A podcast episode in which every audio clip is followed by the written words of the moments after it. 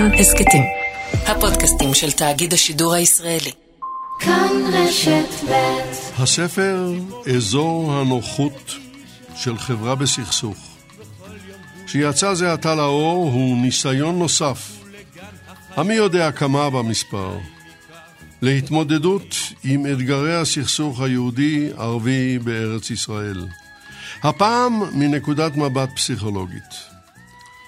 הסכסוך הקשה הזה, הנכנס לשנתו המאה וארבעים השנה, משתווה בעוצם שנאתו לסכסוך בצפון אירלנד, שהחל באמצע המאה ה-17, ולא הסתיים לגמרי אפילו היום. מדינות ומדינאים ניסו לפתור את הסכסוך שלנו במהלך המאה וחצי שחלפו, ולא עלה בידיהם. הספר הזה שלפנינו אינו מציע פתרון אולטימטיבי. לא. אבל בניגוד לספרים אחרים, הוא מנסה להשליך אור על צדדים פסיכולוגיים שאין מרבים לעסוק בהם. אשר על כן זימנו אל קווי הטלפונים את מחבר הספר, פסיכולוג ידוע ועטור פרסים, פסיכולוגית וחוקר משפטי, לנסות ולפרש למעננו בשפה פשוטה ובהירה את עמדותיהם הלא שגרתיות. שם המשדר כשם הספר, אזור הנוחות, ומביאים אותו לאוזניכם יגאל בוטון וחדווה אלמוג. ניתוב השידור והפקתו יהיה בידי הנאמנות של ליטל אטיאס. אני יצחק נוי, שכמו כולנו רוצה ללמוד דברים חדשים. הדרך אינה סלולה, באמת שלא, אבל נעלינו איתנות. פרופסור דניאל ברטל, בוקר טוב לך, שבת שלום. בוקר טוב, שבת שלום, כן. פרופסור ברטל הוא פסיכולוג פוליטי המתמחה בסכסוכי דמים מתמשכים. הוא uh, פרופסור אמריטוס מבית הספר לחינוך של אוניברסיטת תל אביב, וליש עבר נשיא האגודה הבינלאומית לפסיכולוגיה פוליטית, וחתנם כאמור של פרסים בינלאומיים רבים. מספריו נמנה כאן שניים. הראשון שהוא נשוא המשדר הזה יצא זה עתה לאור בהוצאת סטימצקי, הוא נקרא אזור הנוחות של חברה בסכסוך, והוא נכתב עם פרופסור עמירם רביב. הספר השני יצא לאור בהוצאת קיימברידג' יוניברסיטי פרס בשנת 2013, וכותרתו Intractable Conflicts, לאמור סכסוכים קשים לשליטה. והשאלה המתבקשת הראשונה אליך בכמה משפטים, מה פירוש אזור הנוחות של חברה בסכסוך, פרופסור ברטל?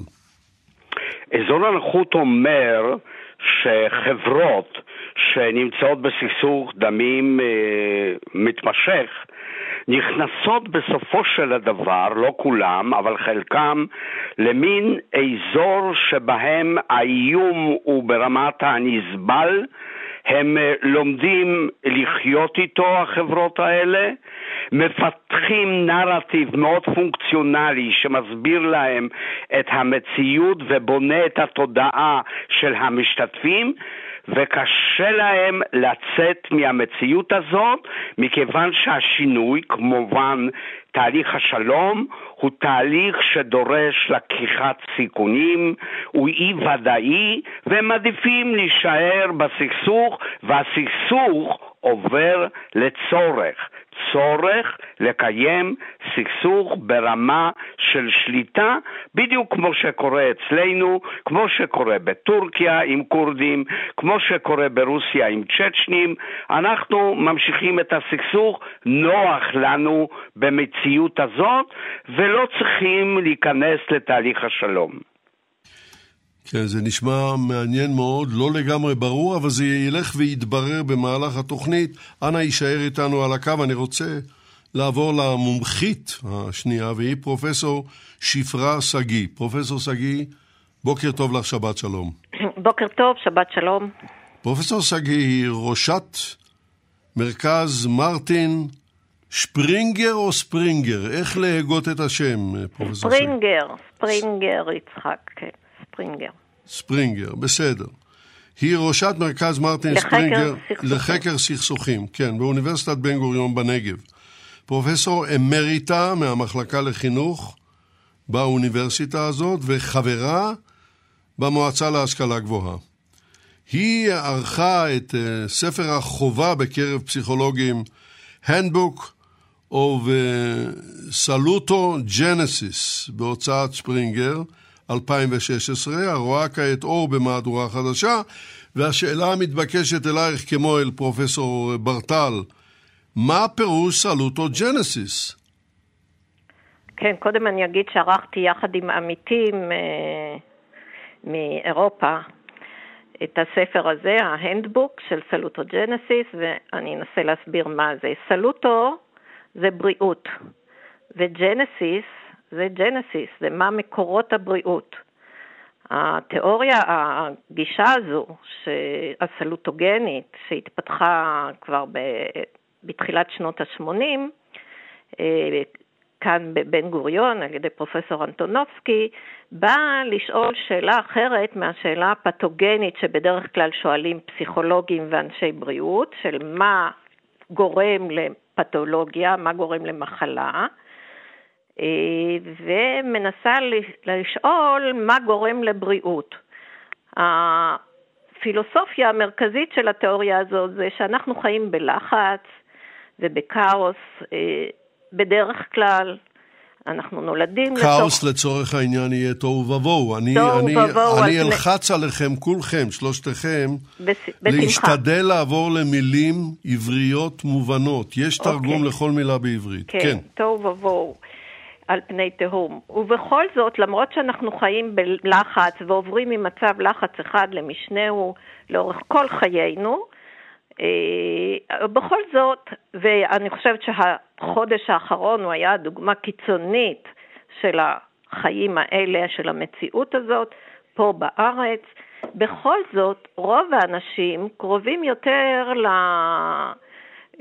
הקצה הבריא של הרצף בריאות וחולי. רוב האנשים לא חולים, ובסך הכל אנחנו חושבים, כל הזמן חוקרי לחץ חשבו לאורך שנים שלחץ אכן גורם לפתולוגיה ולא לבריאות. ובכל זאת המציאות מכתיבה לנו נתונים אחרים, ואז התיאוריה הסלוטוגנית שואלת מה הם המשאבים שתורמים לכך שאנחנו בריאים למרות מצבי הלחץ שאנחנו אה, חיים בהם. כן, זה מאוד מעניין. אני רוצה להוסיף לדברים שלך עוד נתון שלא כולנו ערים לו. שאנחנו הישראלים כמובן חיים בלחץ ולחץ קשה, ועברנו חודש, 11 אה, יום מאוד קשים והכול, אבל תוחלת החיים בישראל היא אחת מהגבוהות בעולם כולו. הרבה יותר גבוהה מזו של ארצות הברית למשל. אז נכון, רק... זה לא רק תוחלת החיים, אני אוסיף לזה גם שביעות הרצון מהחיים. במילים אה, אחרות, איכות החיים. איכות החיים, מדדי העושר, כן. העושר באלף. אנחנו מאוד גבוהים במדדים האלה, למרות שאנחנו חיים ב... כן. במצב מטורף. ודאי. עכשיו בואו נעבור לעד השלישי, והוא דוקטור עופר שנער. אה, לבנון. דוקטור עופר שינר, שלום לך. בוקר שלום. טוב, שבת שלום. בוקר טוב, בוקר טוב. דוקטור עופר שינר לבנון הוא מרצה למשפט במרכז האקדמי רופין ובאוניברסיטה העברית. מאמרו האחרון שהתפרסם בכתב העת Peace and Conflict, a Journal of Peace Study, זאת אומרת אה, ירחון או כתב עת ללימודי שלום, עוסק בזיכרון השואה והשפעותיה על הסכסוך הישראלי-פלסטיני.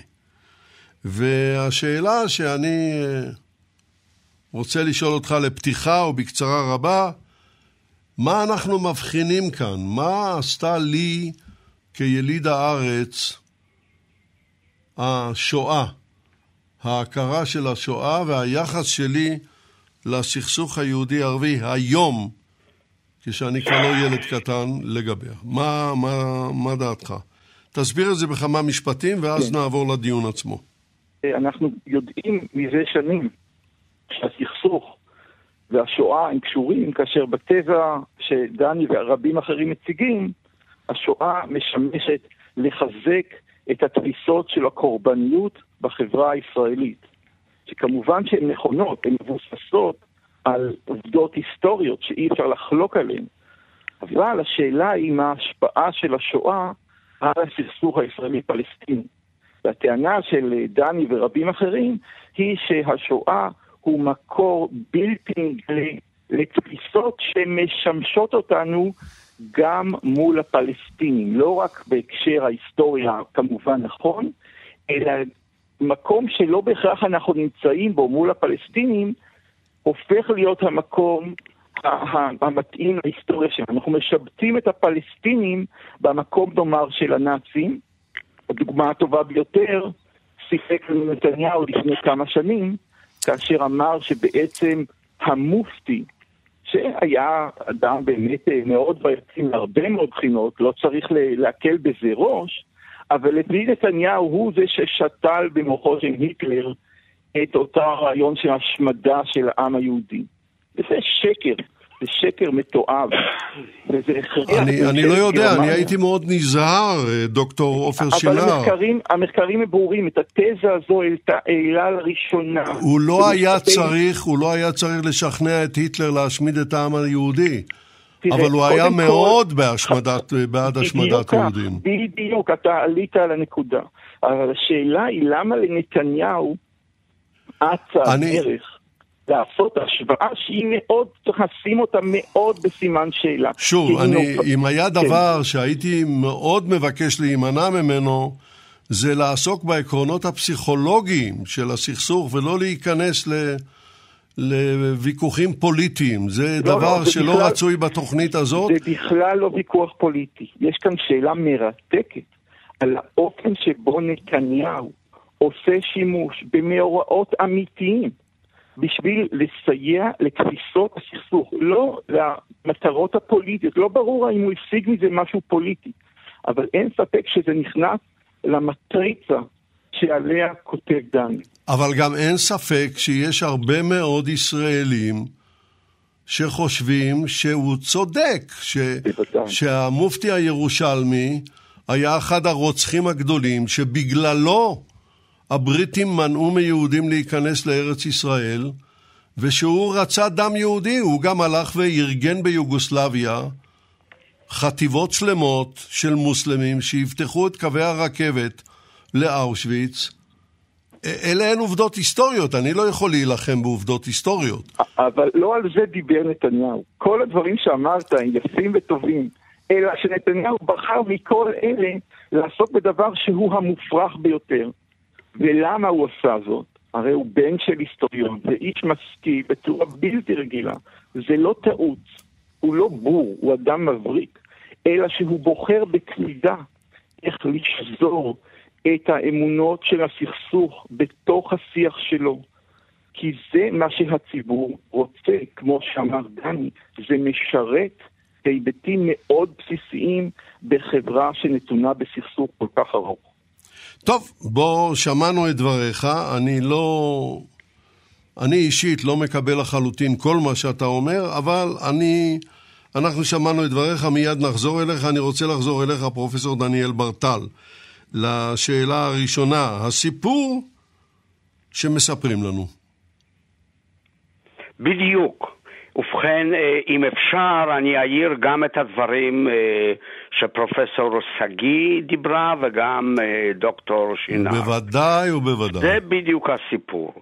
ובכן, עם שנכנס לסכסוך קשה ודמים, במציאות שסיפרה על, עליה דוקטור שגיא, שהוא מלא לחץ, שכול, אתה צריך למצוא משהו פונקציונלי שיעזור לך לעבור. והמשהו הפונקציונלי זה הסיפור שמספרים לנו. שיש לו מרכיבים שאתה מכיר, יצחק, כי נולדת לתוכם. צדקת הדרך, דה-הומניזציה של האויב, האדרה שלנו, תחושת הקורבניות, פטריוטיזם, מצב של איום, וזה עושה סדר. וזאת הסיבה שמי שיש לו תפיסה מאוד קוהרנטית, מאוד ברורה, וזה לא משנה כרגע אם זה אמת, לא אמת. אני מסתכל כרגע כפסיכולוג, זה פונקציונלי להתמודדות עם מציאות, כמו שאתה אמרת, של 140 שנה. אנחנו חיים נוח, ברור לנו מי אויב ומי לא. מי מאיים עלינו? מי לא רוצה שלום לעשות איתנו? אנחנו, מושטת היד שלנו לשלום כל הזמן. כל המלחמות הם ללא ברירה, הם הנבלות, הם הטרוריסטים. הסיפור ברור מאוד, והסיפור הזה הוא שמאפשר הסתגלות למציאות קשה מאוד של סכסוך. אבל אני רוצה להגיד עוד משפט אחד. אנחנו לא ייחודיים בסיפור הזה. אני חקרתי מה קרה בצפון אירלנד. מה קרה בתקופה של צרפת ואלג'יר, מה קורה ברואנדה, ומה קורה בסרי לנקה, ומה קורה בטורקיה, בכל המקומות שמתקיים סכסוך כזה, בונים סיפור ממש אותו דבר, תחת הכותרות, התוכן משתנה.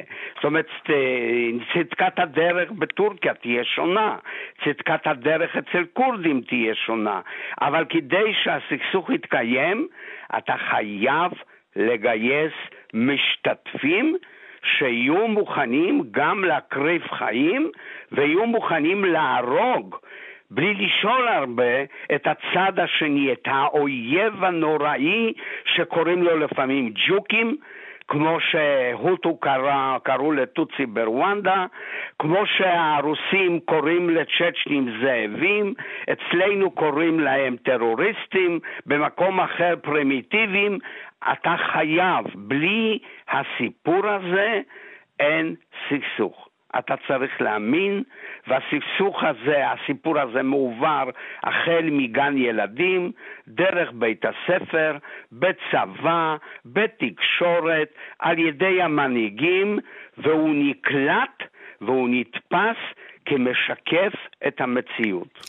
אבל פרופסור ברטל, אחד המקדמים הגדולים של ההיגד הזה, של מה שאתם קוראים נרטיב, היגד, הם חלק מהפלסטינאים עצמם. כשהחמאס בא ואומר כיבוש, ובכיבוש הוא לא מתכוון לאזורים שנתפסו בישראל, על ידי ישראל ב-67, אלא לתל אביב, לפתח תקווה.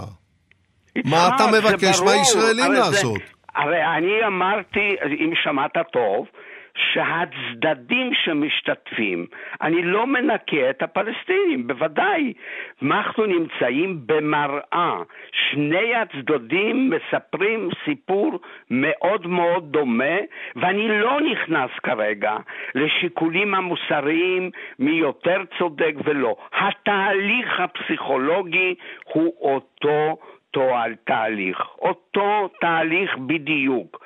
וכדי לשבור כמו שעשו עמים, זאת אומרת זה אפשרי, אתה יכול לשאול האם אפשר לצאת מהמעגליות הזאת שמצד אחד אתה מפתח את הסיפור שמזין, שמדליק את הסכסוך, שמזין את הסכסוך שמשלמים עליו במחירים אדירים של דולרים, אבל קודם כל של חיי אדם, כמו שראינו לא מזמן רק, זאת השאלה המרכזית, ועמים הצליחו לשנות, כמו הפרוטסטנטים והקתולים, התחילו להסתכל אחד על השני בצורה יותר אנושית, הבינו.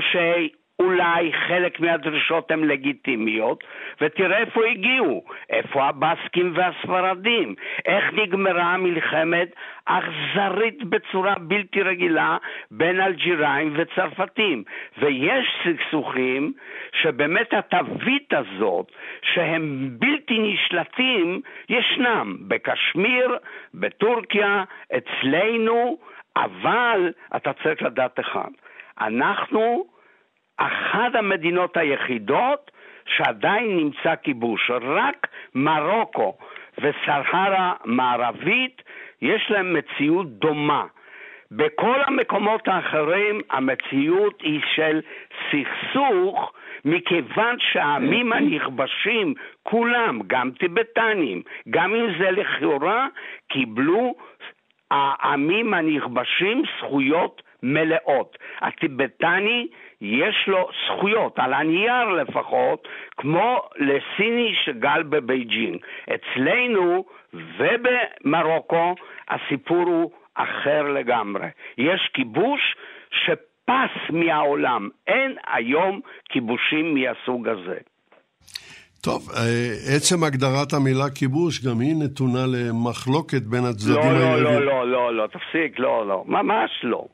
ממש לא. אם תשאל את אנשי החמאס, הם אה, ידברו על כיבוש אחר. למה שאני אשאל את זה? אני, אני שואל את אנשי החמאס, אני איש אקדמיה, יש הגדרות מדויקות, יש לנו את אייל בן בנישתי, אתה יכול לשאול אותו. בסדר, אז... אבל לך, פרופסור ברטל, אין לא. טילים, ולהם יש טילים, ואתה לא, לא משליך טילים על תל אביב. אבל זה חלק מהסיפורים. אתה יכול אה, לקבל את הסיפורים של הממשלה, הם יכולים לקבל את הסיפורים של החמאס, אבל אתה רצית פה דיון פסיכולוגי רציני, ולכן אנשים מאמינים, וזאת ההצלחה אחת הגדולות של הממשל הישראלי שמחק את ה... כותרת כיבוש. לא קיים כיבוש להמוני יהודים בישראל, כאשר עבור פלסטינים זאת מציאות יומיומית. איך אתה מגשר על הסיפורים שלהם וסיפורים שלנו, it's all about. זה מוקד הסכסוך. כי מספרים לנו סיפור ולהם מספרים סיפור ואתה כרגע צריך להחליט. אבל אנחנו לא רוצים לשמוע את הסיפור שלהם, הם לא רוצים לשמוע את הסיפור שלנו ולכן אם לא נתחיל לשמוע, הסיפור המעשי, זאת אומרת המעשים האלה, מה שנקרא מעגלי האלימות, ימשיכו. זאת אומרת, זה לא ייגמר ב-2008, 2012, 2021, יהיה, לא משנה מתי, עוד חמש שנים, שלוש שנים, ככה אפשר להמשיך, וכמו שאמרו לנו, הבטיחו לנו, אנחנו, עם היהודי בישראל, יחיה על חרב לעד. זה הסיפור שמספרים לנו, כי אין עם מי לדבר. האם אין עם מי לדבר? אז זו, אני שואל גם אותך וגם את אזרחי מדינת ישראל היהודים, האם אין עם מי לדבר? מי החליט שאין עם מי לדבר? הרי דיברו, לא הצליחו. האם זה הסוף? מרימים ידיים והולכים הביתה והורגים אחד את השני? זאת האלטרנטיבה. אני מבין. טוב. בוא יישאר איתנו על הקו, אני רוצה קודם כל אה, לשמוע את תגובתך, פרופסור שפרה שגיא, ואחר כך לשאול אותך איך מתחבר הסלוטוג'נסיס לסכסוך שלנו. אם את רוצה להגיב, את מוזמנת כמובן. אה, אני אגיב אחר כך, ואני רוצה קודם לקשר את ה... קודם כל אני אגיד להוסיף על, על, ה... על הסכסוכים שהזכיר אה, ידידי פרופסור ברטל, אה, גם סכסוך נוסף שנחשב כאילו פוסט-סכסוך אה, של קוסובו, ששם בדקתי יחד עם אה, תלמידה שלי משם, מקוסובו, את אותם מושגים שאני תכף אפרט קצת עכשיו, של תחושת קוהרנטיות, של ההתמודדות עם הקונפליקט, עם המשאבים שיש לנו, הלאומיים, אצלם זה קהילתיים, לאומיים, וקבלה של הנרטיבים של האחר, של הקבוצה האחרת, ומצאתי שם בקוסובו בדיוק את אותו מצב שאנחנו מוצאים פה בין ישראלים ופלסטינים. לא, אין נכונות, למרות שזה נחשב פוסט קונפליקט, אין עדיין נכונות בכלל לקבל את הנרטיב של הקבוצה האחרת. אנא, אנא, מילים עבריות ככל האפשר. אה, נרטיב זה סיפור. סיפור, פשוט סיפור, המייסה. את הסיפור, את הס... המייסה. אה, סיפור של האחר. אני רוצה להביא, אה, ואצלנו, זה חזק שם וזה חזק מאוד אצלנו. ומה שאני מוצאת אצלנו, שככל שתחושת הלכידות או הקוהרנטיות, כמו שאנחנו הלאומית חזקה יותר, ככה פחות מוכנים לקבל את הנרטיב של האחר, את הנרטיב של הפלסטינים, את הסיפור את, של הפלסטינים. את הסיפור כן. של הפלסטינים, והפלסטינים גם את הסיפור שלנו. והדוגמה הכי מובהקת, אני, פיתחתי בזמנו, עוד בתקופת הסכמי אוסלו האופטימיים, פיתחתי יחד עם ידידי אה, מהרשות הפלסטינית, פרופסור סמי אדואן, פיתחנו שאלון של נרטיבים וניסחנו נרטיבים שונים. הדוגמה הכי, ואין ספק שהנרטיבים הם קונפליקטואליים, הם בסכסוך הנרטיבים עצמם. סיפורים מתנגשים. הסיפורים מתנגשים ואינם תואמים אחד את השני, ולפעמים אפילו ממש מנוגדים. הדוגמה הכי מובהקת זה אה, כשאנחנו שואלים על 48, אז אצלנו זו מלחמת העצמאות, אירוע חשוב שמסמל את יכולת ההשתרדות של היהודים. הישראלים ואת העצמאות שלנו, ולעומת זה הנרטיב של 48 של הפלסטינים הוא הנכבה, שעכשיו יש חוק שאסור לנו הרבה לדבר על זה, אבל אצלם זה אסון. עכשיו אנחנו שואלים, שאלתי לאורך שנים בני נוער משנת 2000 עד 2009, אה, כל זמן שנתנו לנו לשאול בקרב בני נוער, אה, מה אתה מרגיש כלפי הנרטיב, ונרטיבים שונים, זאת אומרת, התחלנו סיפורים, מ... סיפורים, סיפורים, כן. אני חושבת שהקהל שלנו כבר, כבר הסתגל. הסיפורים הקבוצתיים, הסיפורים הלאומיים שלנו. התחלנו עם, אה, עם הצהרת בלפור, אבל סיימנו, כל פעם אנחנו הוספנו עוד ועוד, כולל רצח רבין בהמשך, ו... אה, אירועים אחרים שקרו פה, והיום אפשר להוסיף גם את, ה, את מה שקורה עכשיו, כמובן את מה שקרה בחודש האחרון, את הסבבים השונים, תפיסה שונה לגמרי של הסיפור נמצאת בצד הפלסטיני, זה מתקשר למה שפרופסור ברטל אמר על הכיבוש, ותפיסה שונה לגמרי אצלנו, אצל, בקרב היהודים. תפיסות מנוגדות ושונות. עכשיו, ככל שתחושת הלכידות שלנו חזקה יותר, אנחנו מוצאים אה, התנגדות רבה יותר לנרטיב, לא, זאת אומרת, לא מקבלים, לא נותנים לו לגיטימציה בכלל. אה, מרגישים הרבה כעס על זה ש... לסיפור הפלסטיני. לסיפור, אני מדברת על הנוער היהודי, למרות כן, שבדקתי את זה גם על ה... בקרב פלסטינים. מרגישים כעס מאוד גדול כלפי זה, כלפי העמדה, הסיפור הזה, מרגיש חוסר אמפתיה מוחלט. בתקופת אוסלו עוד היה, עוד הייתה איזושהי נכונות לתת לגיטימציה במידה מסוימת, כי זה היה מין מלמעלה למטה, היו אז דיונים על הסכמי שלום, אבל במשך הזמן מאז אוסלו, כשהמצב הלך ונהיה יותר אלים, מצד אחד טרור, מצד שני מתקפות שלנו. אה, פחות ופחות היו מוכנים לתת לגיטימציה לנרטיב של האחר. טוב, וזה... בואי, בואי נעצור כאן, פרופסור אה, שגיא. אני רוצה ל, ל, ל, לא. לספר אולי בסבב הבא שאפשר גם לאחרת, שאפשר בסדר, לחשוב אנחנו, איך, מה עושים אנחנו נקיים עוד סבב כמובן. אוקיי. אני טוב. בשלב זה רוצה לחזור אליך, דוקטור עופר שנער, ובהמשך לדברים של uh, שפרה שגיא, מדוע נכשלו הסכמי אוסלו? אני חושב שזו שאלה מצוינת. והשאלה הזו אה, היא בעצם תחילת העניין באופן אישי שלי בנושאים האלה, אני זוכר היטב כנס באוניברסיטת תל אביב בשנת, אני חושב, 2001, שבו פגשתי לראשונה, שמעתי לראשונה את פרופסור ברטל, מתחיל לקשור בין ההסכמים וכישלונם לבין התזות שדיברנו עליהן, לשמוע התכנסנו. ומה שמעניין, כשאני קראתי את הסכמי אוסלו, הסתכלתי עליהם ואמרתי, אלה הסכמים משפטיים. כמשפטן ראיתי את הדמיון בינם לבין חוזים שעוסקים בתחומים אחרים.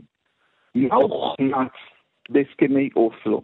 והגיעו לכך, צריך לומר, בסבב האחרון, בטאבה, שזה כבר היה באמת הסוף, וכבר לא הייתה לגיטימציה לסבב הזה מסיבות שונות, אבל אנחנו רואים שהצדדים להסכמי אוסלו לא ידעו מה לעשות עם ההיבטים הפסיכולוגיים, עם ההיסטוריה, עם התרבות. והדברים האלה נאמרים באופן אה, גלוי אצל אדריכלי ההסכמים, וזה מתחיל מאורי סביר בספרו אלף ואחד ימים לשלום, שבו הוא אומר, נפגשנו בפעם הראשונה וחשבנו מה לעשות, חשבנו גם על ההיסטוריה, והגענו מיד לדברים שפרופסור שגיא הסבירה כרגע, לאיזושהי התנגשות גדולה לאורך כל הנושאים בין הסיפור הישראלי לבין מה שהפלסטינים, אפילו אלה שרצו שלום והגיעו עד נורבגיה, גם הם ראו בדיוק כמו שאומר פרופסור ברטל ואמרה כרגע פרופסור שגיא, ראו את ההתנגשות ומה היה הפתרון, וזה החלק המרתק. אורי שגיא שהוא באמת אדם שניסה להגיע לשלום, התפיסה הייתה בואו נניח את הנושאים האלה בצד, נדמיין שאנחנו מסמנים קו בחול ומסתכלים רק על העתיד.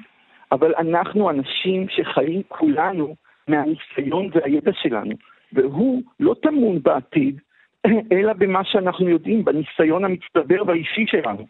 והניסיון הזה אמרת 140, אז לפני זה היה קצת פחות, אבל כבר בהסכמי אוסלו היה לנו לצערנו למעלה מ-100 שנים של סכסוך.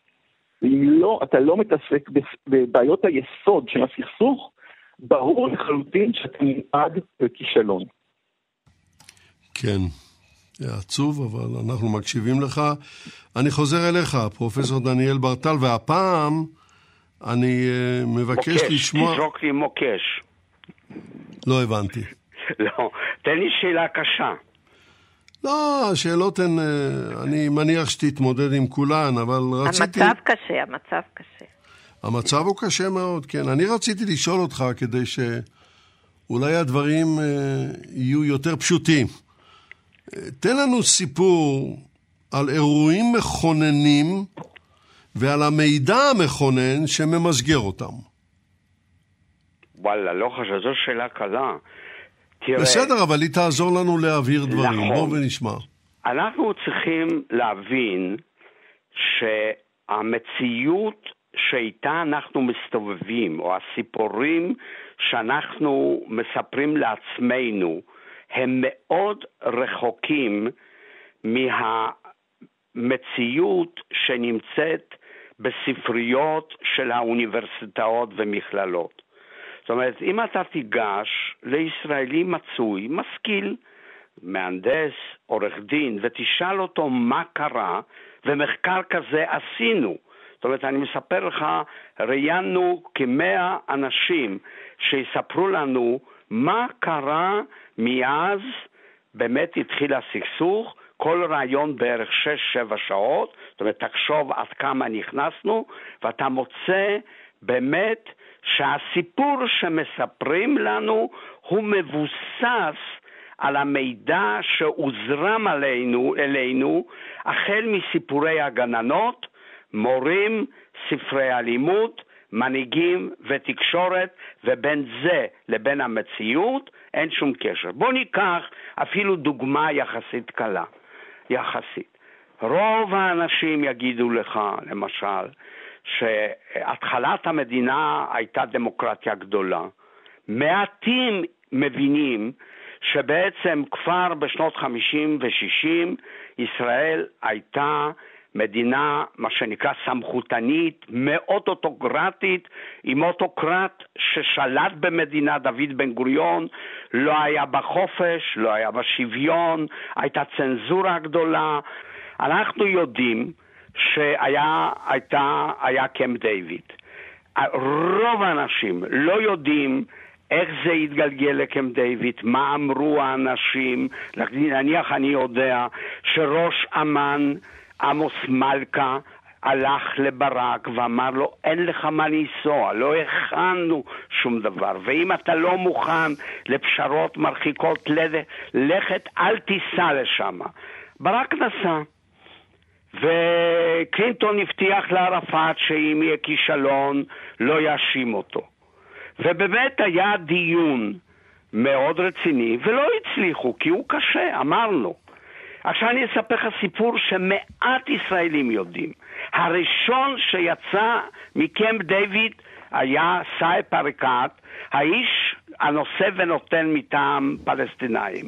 והוא אמר לעיתונאים שעבדנו קשה, לא הצלחנו להגיע לשלום. תבדוק אותי, זה ישנו ב-CNN. עד היום אפשר לשמוע את זה. אבל אנחנו נשתדל, ואנחנו נמשיך לשאת ולתת. השני יצא אהוד ברק, ואמר מה שאתה יודע וכל עם ישראל, אין פרטנר, נתנו את הכל, חיפשתי מכל אבן, ואת זה קיבל עם ישראל. את זה קיבל עם ישראל. זאת אומרת, עם ישראל קיבל שאין פרטנר, ערפאת בכל זאת רוצה להשמיד את ישראל, אין עם מי לדבר, אנחנו הצענו את ההצעה הטובה ביותר שאפשר להציע, הם לא קיבלו, לא הציעו שום דבר.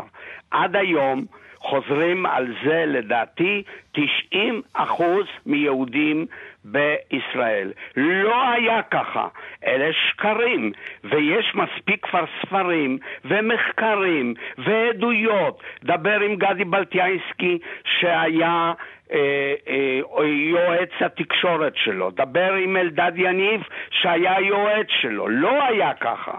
אני אספר לך עוד, פרצה אינתיפאדה. פרצה אינתיפאדה.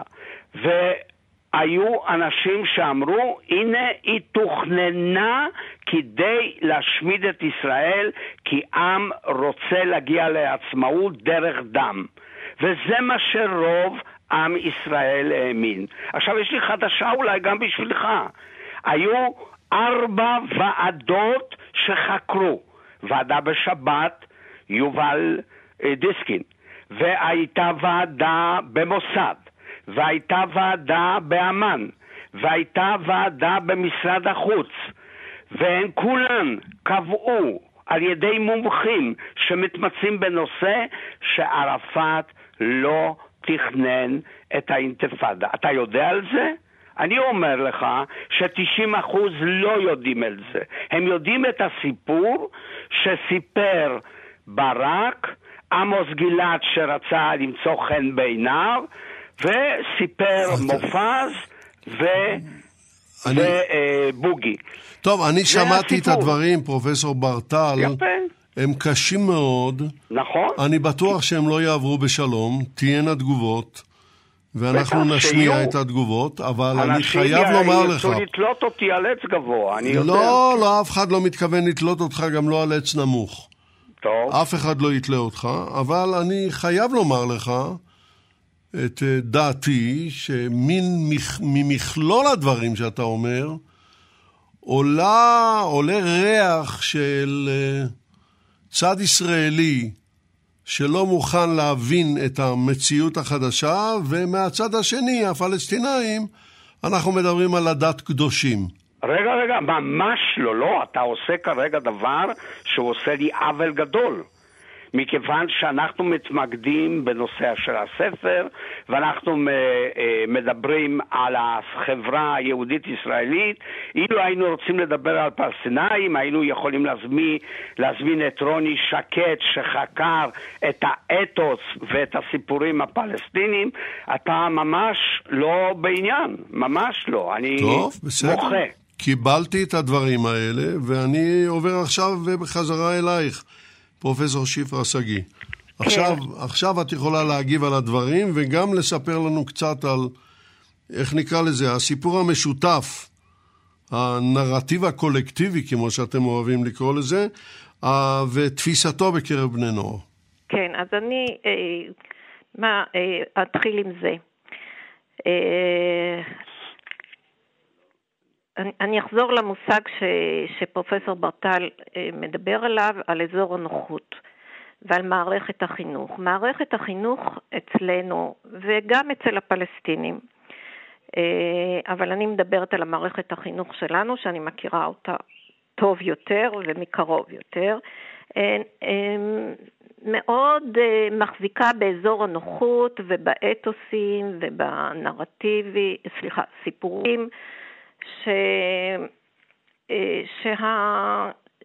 שהמציאות הישראלית, שהצד הישראלי והמנהיגות הישראלית אה, אה, משדרת, ואנחנו, ואני חושבת שיש בזה משהו אחד חשוב, כי אנחנו מחזקים בזה את, אולי את הזהות הישראלית, שכמו שאמרנו קודם, היא חשובה כדי להתמודד עם המציאות הקשה, אבל אנחנו מונעים מהתלמידים שלנו, מהבני הנוער ומהילדים, כי אפשר לפתח את זה כבר מגיל צעיר, את התפיסה שלא רק הנרטיב שלנו קיים, לא רק הסיפור שלנו קיים, שיש עוד סיפורים ויש עוד דעות. ויש עוד אה, אה, דרכים לתפוס את המציאות הקשה והסכסוכית והקונפליקטואלית הזאת. עכשיו, אתה לא חייב לקבל אותם, אבל אתה צריך את, ה, את הסיפור של האחר, במיוחד כשאתה חושב שהוא האויב שלך, אבל אתה צריך להקשיב לו, אתה צריך לדעת אותו, אתה צריך להכיר אותו ואתה צריך לכבד אותו. ואני חושבת שמה שקרה, אני רוצה לחזור על הסכסוך הפנימי שכל כך בלט בחודש האחרון בצורה מאוד קשה. על המהומות והזעזוע שעברנו פה בתוך ישראל, בערים המעורבות ובמקומות אחרים, בין יהודים וערבים, אני חושבת שכאן מאוד מאוד חשוב לפתח בתוך, בקרב הילדים שגדלים פה בישראל, יש גם יהודים וגם ערבים, ולערבים יש נרטיב אחר, ואתה צריך להבין את זה. זאת אומרת, את היכולת הזאת להבין שיש כמה סיפורים בתוך המציאות המאוד קשה שאנחנו חיים, את היכולת הזאת אפשר לפתח כבר מגיל מאוד צעיר, ומערכת החינוך לא עושה את זה, להפך היא מאוד, אה, לדעתי בשנים האחרונות מאוד מאוד נמנעת מזה, וראינו כמה וכמה מקרים שלא אפשרו בתיכון גם להביא מישהו שדעתו אחרת, כמו בצלם או לא, לא חשוב מה הארגון, אבל חשוב מאוד להכיר בזה שיש סיפור אחר ושצריך לכבד אותו. אנחנו עשינו בתוך ה... אולי אני אספר, על היות, לא במערכת החינוך, אבל באוניברסיטה, העברנו קורסים של הכרת האחר, אה, אה, ששם בקורסים האלה הבאנו גם הרצאות, חלק מהקורסים נעשו רק ליהודים, לסטודנטים יהודים.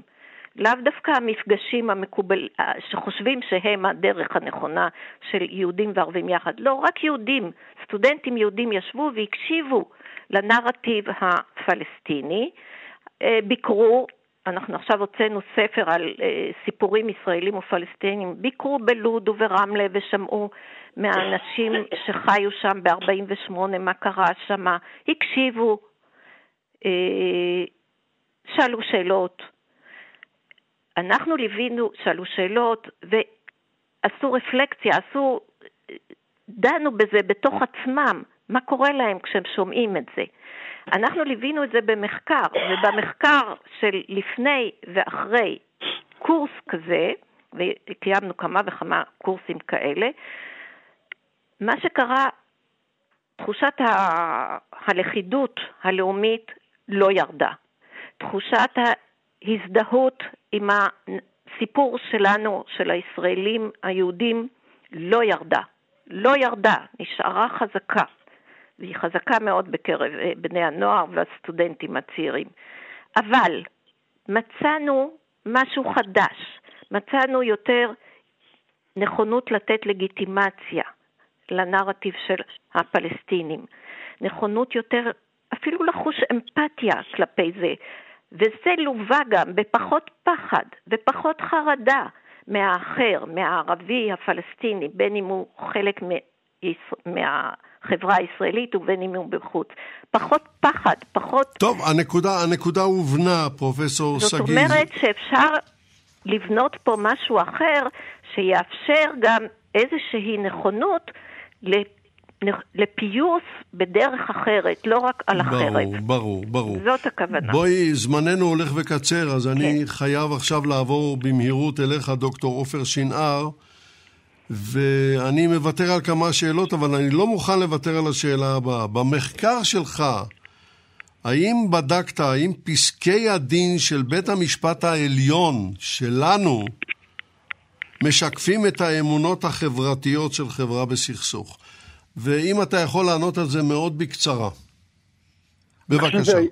אחד המקרים המעניינים שבהם אולי לא היינו מצפים למצוא את אמונות הסכסוך, כי בית המשפט העליון הוא מוסד אחר שפועל לפי כללים משפטיים, והמחקר שלי גילה, באופן אולי לא מפתיע לחלקנו, שגם בבית המשפט העליון אפשר למצוא ביטויים מאוד משמעותיים ומאוד רווחים לאמונות הסכסוך, ובדקתי גם אמונות נגדיות, הפוכות, למשל, שלא רק אנחנו קורבנות, יש גם בצד השני, אלה אמונות מאוד מינוריות בחברה הישראלית וגם בבית המשפט העליון.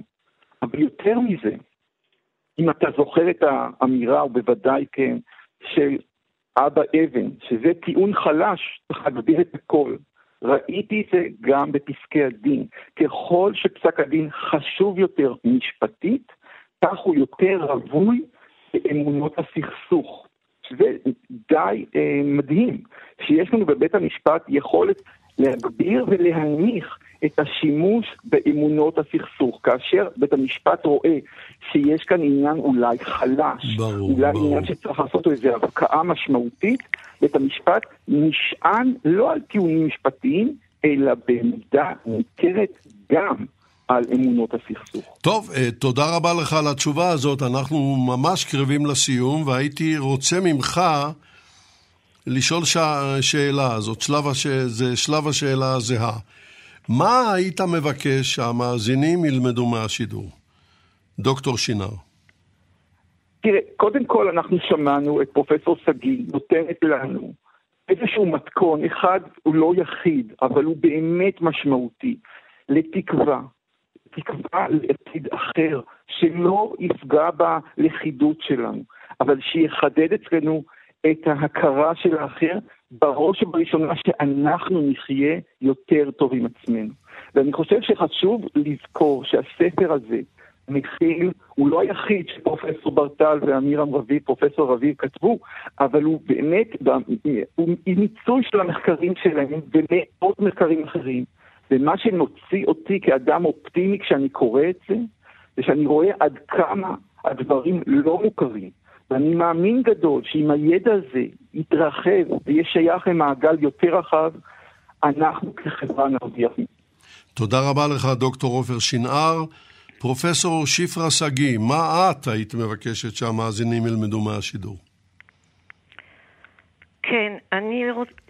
הייתי מבקשת שיחשבו על כך שאכן זהות אה, לאומית היא משאב חשוב ומשמעותי בתקופות של קונפ... או במקומות של קונפליקט, כי כדי להתמודד ולא להתמוטט.